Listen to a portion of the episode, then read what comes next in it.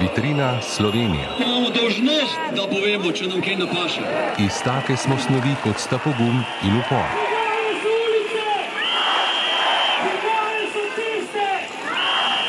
Trideset let Slovenije je tudi 30 let protestov. Res je lepo takole pogledati. Peter Lovšin je pred leti dejal, da so ljudje prihajali na koncerte skupine Pankrti tudi zaradi protesta. Pankrti niso prepevali o ljubezni, ampak rohneli o državi, ki je pokala po šivih, družbi, ki je klicala po spremembah, sistemu, ki jih je omejeval, politiki, s katero niso bili zadovoljni. Skupina Pankrti, ki je nastala leta 1977, je leta 1987 razpadla, a na zborovanju v podporo Janši, Borštnerju, Tasiču in Zavrlu množični protest je potekal 21. junija 1988 na kongresnem trgu, so Pankrti nastopili z vso svojo energijo. Njihova priredba pesmi Janez Kranski Janez pa je postala himna tistega časa, časa afere JBTZ, procesa proti četverici. Bohotnih 80-ih in norih 70-ih se spominja Pero Lovšin. 80-ta so bila divja, ne? Ah, 70-ta še mal bolj, vse konc 70-ih, ko se je vse začel. Ampak takrat smo bili v bistvu posamezniki bolj, ne? smo bili bolj nori kot divi, ne? očitno.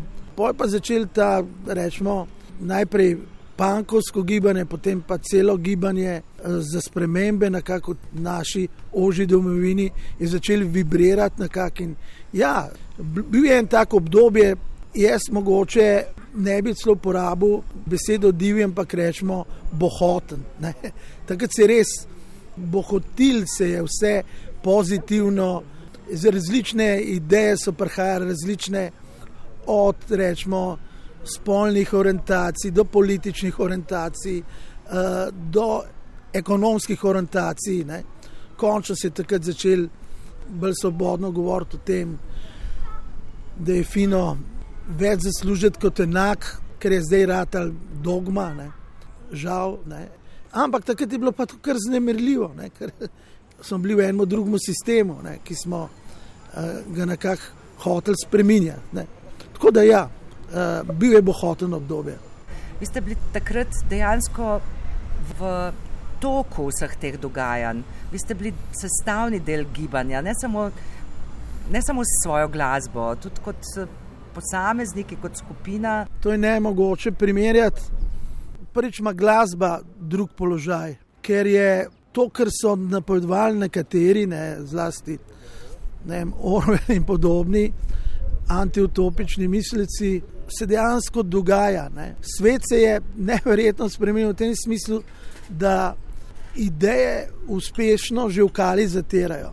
Muska, ki je včasih imela, če vemo, kaj so pomenili naslovnice LPO, kaj, kaj je pomenilo 68. leto, kaj so Rolling Stones pomenili, kaj je rock and roll pomenil, kaj je punk pomenil. To je bilo dejansko eno stalno soočanje z družbo. Ne. Uh, ljudje so kupovali plošče, brali so tekste tam, o tem se je razpravljali. To je bila ena cela kultura dialoga v zvezi s tem. Ne? V tej dobi je to uspelo, rečemo temu, rečemo kapitalu, neutralizirati totalno ta naboj. Praktično muskonteri, kot imam pisatelji, še zmeraj orodje svoj, rečemo uh, knjigo oziroma novinari, časopis, kot jih je še, ampak tudi to, tudi to so zelo uspeli neutralizirati. Film se še nekako drži uh, zaradi te v bistvu art mreže, nekak, ki je, ampak dejansko glasba praktično totalno izgubljata, je izgubila svoje urodje. V bistvu temu so se tudi prilagodile absolutno uh, večino radijskih svetovnih postaj, ki po vzoru najbolj teh komercialnih izbira musko eh, po enem tem digitalnem vzorcu in po kao priljubljenosti klikov in tako naprej. Seveda ta aktualnost muske nima nobenega vpliva več. In, in klej smo zgubili, klej je uh, zgubila, rečemo, ta avantgardna javnost, ljudje, ki se želijo spremljati, pa tako je zgubila enega blazno močnega partnerja. Ne. Ko smo mi naredili leta 88, samo prepel Janez Krajinski Janez, so to vsi vedeli, v trenutku praktično. Ko smo leta 2017, ne, to se pravi 31 let kasneje, pankrti naredili komat To ni več Slovenija, ker smo bili ogorčeni nad rečemo, prejšnjo politiko vlade Cererja in še prej, vključno od rečemo, leta 2000 naprej, ker so razprodali praktično našo državo, našo zlatnino, vodne vire, pivovarsko industrijo, če ne rečem, radensko, ki bi mogla, mislim, da ne govorimo od, od istra benzovih stvari naprej, skratka. Mi smo eno to svoje ogorčenje zelo preprostim, zelo klenim slovenskim sloganom, to ni več Slovenija, povedali, noben je reagiral, noben. Niti, mogoče sem slišal dvakrat komat na radiju, glih tok, da, da, so, da so ga v načelu dal, ampak tudi mene osebno, jaz sem imel takrat in razprodan koncert v Cankarnem domu, ker smo to igrali in stožice, potem s pankrti, najprej samo solo koncert, jesen pa spomlad, jesen. Niti en novin, mi smo igrali ta komat in publika, vse ne, pa gre imamo toliko publike, da je bilo tam ne vem, 8000 ljudi to pel, ne, ker tudi. Ja, se pravi, medijske podpore. Ampak ni, ni, totalno niti ene, niti enega vprašanja novinarskega, jaz nisem, kako da jaz, ki sem naredil leta 2000 komat, Slovenija gre naprej, naredim 17 let kasneje, to ni več Slovenija. Aj to, skratka, jaz uh, sem prepričan, da je toliko ljudi tudi v, v medijih, v šovu biznisu, vse pač na strani tega prodanega kapitala in te prodanih, prodanih duš, ne, da, je, uh, da se to v bistvu neutralizirajo. V bistvu neutralizirajo, v štartu že neutralizirajo večino poskusov upora enemu stanju, postavljanju nas v en tak inferioren položaj, napram, prvič napram drugih držav v EU in velikih partneric po svetu. Sej, mislim, mi se tega zavedamo. Ne? Mi smo čas, uh, smo seveda se jezili nad tem, kako gre v Ljubljani ogromno denarja za Beograd. Ne? Zdaj vidimo, da gre v Ljubljani za politiko najbrž desetkrat več denarja za našo, noben pa ne pove, koliko od tega denarja gre ven nepravično. No. Veš, mi, tudi kot avtori, glasbeniki, ki smo že večkrat o tem govorili, kako zgublja naša identiteta na vseh področjih, pač svojo moč. Ne. Čeprav je bilo ob štartu EU, eh, seveda obljubljen, da gradi se kultura majhnih držav in gradi se na različnostih. Ne. In tudi leta 80 smo mi gradili na teh različnostih, mi smo najrazličnejši skupaj ja, stopili in tako. Ja. No, ampak če mečken obudiva spomin. 88. Ne? Kdo se je recimo spomnil, da je Janez Kranski Janez dobra osnova za. To je moj, v bistvu je to moj aranžma ker jaz sem takrat pa že šel samostojno. Mi smo šli na razen in smo na poziv v bistvu Vidmarja in smo se zbrali. In v načelu uh, ni bilo tudi, ne, uh, treba povedati, da je Janas Janša z nami igral par let futbal v ekipi nekako delevo, mali nogomet, tukaj na Kodelevo smo igrali ne, in, in smo bili prijatelji. Mi smo tudi gostovali skupaj v mladini ekipi Punk United Team. Tako da jasno smo se borili za naše kolege, v bistvu. Ne. Smo takoj stopili zraven in kle se videli, kako koli zdaj on lahko govori o tem, kako seveda je bila ta vojna, policija, ta ideologija prejšnjega sistema. Je bila seveda prešljiva in vse to je bilo, eh, končno smo se mi pred deset leti na ene načine s tem soočali v naših tekstih, v naši muziki. Ampak po drugi strani je na tem koncertu, kjer se je zbrala pol Ljubljane, ker je bilo vse nabito, vse kotički na kongresu, ker, je, ker so vsi pel to, nisem jaz občutil v bistvu kakšne panike ali pa strahu, ker je dosti lažje občutiti na zadnjih protestih v Ljubljani, na, rečemo konkretno na zadnjem, ki sem bil jaz.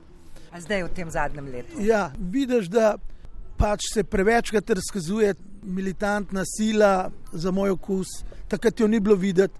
Jaz, no, če se spomnim, kakšnega policaja na, na trgu leta 88, zdaj sem jih videl, robo kope, tako. Res pa seveda, da je zdaj tudi tako prišlo. Takrat smo bili vsi poenoteni. Ne? Po eni strani razumem ta nadzor, ne? jaz ga razumem, din, če bran protestnike, ne? zato razumem nadzor. Ne smeš imeti občutek, da, varu, da se varujo pred protestniki. Tudi to je razlika od tistih časov. Ne? Takrat praktično ni bilo provokatorjev, ne? ni bilo enih teh podtalnih vlog, stvari so bile bolj čiste, zdaj je ogromno zapecan, imamo, imamo en tak, v bistvu eno tako ne preveč sočno marmelado. Ker bi rada nekako zajela ne, 30-letnico ja. Slovenije v kontekstu protestov. Ne. V bistvu je Slovenija na protestih nastala. Ne. Ja, seveda. Ja. Uh, in, uh, Kako pomembno vlogo ima recimo glasba pri tem? Če se spomnimo leta 68, pa protestov proti vojni v Vietnamu, ki je, ki je uh, v bistvu eno celo generacijo označila ne? in ena cela generacija ljudi se je na tem politično opismenjevala, ne? gradila svoj pogled na svet preko te, prav preko muske, v bistvu, preko Boba Dilana, preko protestnih songov. Uh, ogromno tega je bilo, uh, in tega, seveda, zdaj iz več razlogov praktično ni več, ker težko, prvič je težko poenotiti tudi vsa ta različna stališča. Ne? Ker smo ljudje tako razdeljeni, moram priznati, da sem tudi jaz v enem takmu, kar se tiče politične orientacije uh, Slovenije in politične prihodnosti v takem res položaju, da težko kaj pametnega rečem, ja, najkrajš povedan. Čas sem se zmazal s tem, sem rekel, da sem salonski anarhist in mi je vse en in sej, se pravim. Uh, Nisem analitik, zdaj, ki si ravno vprašala to, ne, o tem govorim. Drugač pa doskrat rečemo, da je bolj pameten, da je kanal s fusbolom. Najbolj pameten bi bilo jeti na tekmo, če bi jo lahko šli. Vseeno ti ni. Ne, ne, se pravi. Skratka, glasba je gotovo pomembna, ampak tudi to, da uh, ni bilo v zadnjih letih dolgih nobene glasbe, ki, uh, to vrstne, ki bi jo ljudje ponotranili za protestniške namene. Ne? od kakšne revolucije Jana Kovačiča, ki je bil pa, pač nad sopotnik, potem vidimo, da, da, da neki. Da nekaj naštima, ali je narobe nekaj z glasbeniki, ali nekaj narobe z kontrarevolucijo. Ne? V načelu bi se nek, nekje po enem spletu teh na ključi mogel ujeti. Ker tako kot je Ali rekel, da tudi brez JBTZ bi prišlo do teh sprememb. Ne? To se pravi, po eni inerciji bi se zdaj nekaj mogel ujeti. Ne?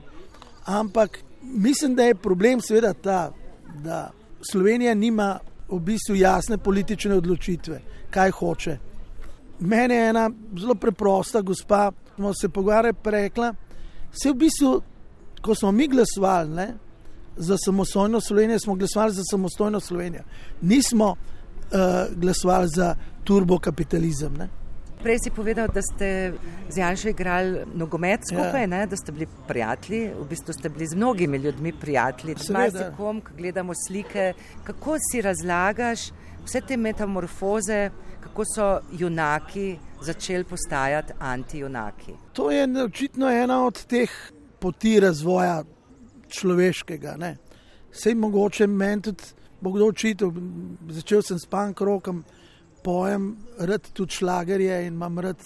Ampak to je minimalen greh, pri primerjavi s tistimi, ki sem jih imel. Ne, okay, ja, ja, ne, pa, pa, povem, ne, se, ja. imam čist rad tudi uh, življenje, ki je povezan z standardom.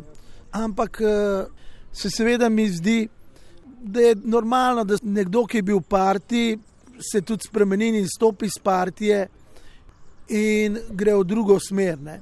V večini primerov se mi zdi ne samo nemoralno, ampak osebno tragično, da človek pluva po lastni zgodovini. No.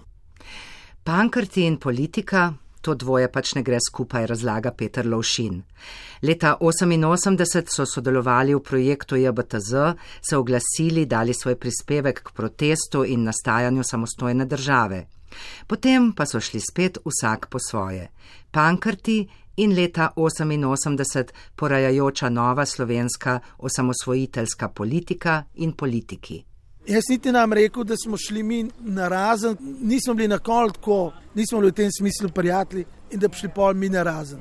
Mi nismo pač na kol živeli v politiki in to je čist nekaj drugega. Ne.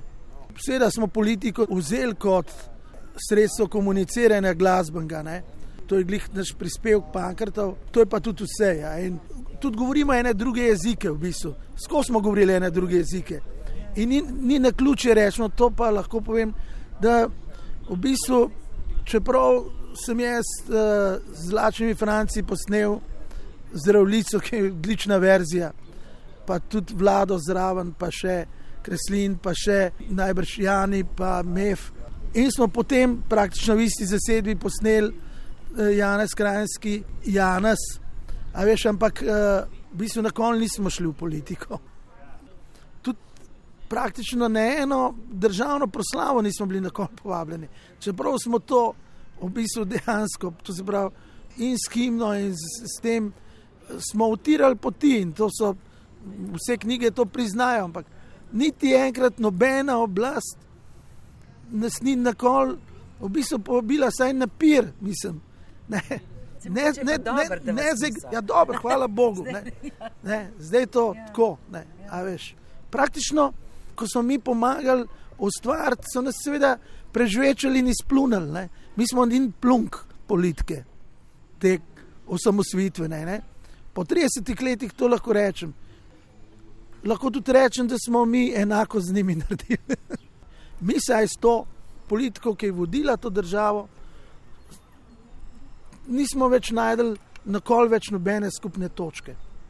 Mi, mi smo tako, seveda, demokratična osnova, pankrti in Bobnar Slavc je rekel, na kol več na noben političen nastop.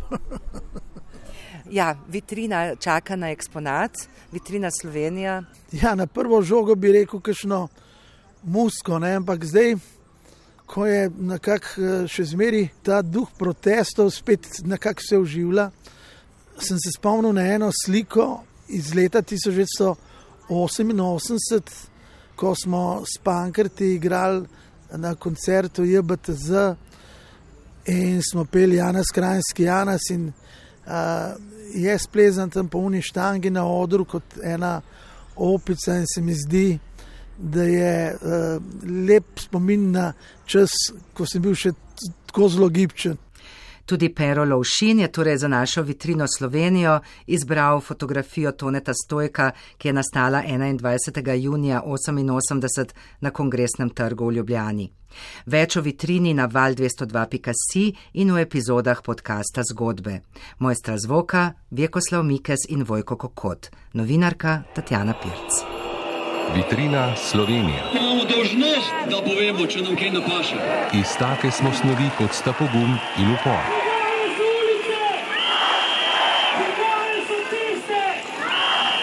30 let Slovenije je tudi 30 let protestov. Res je lepo takole pogledati.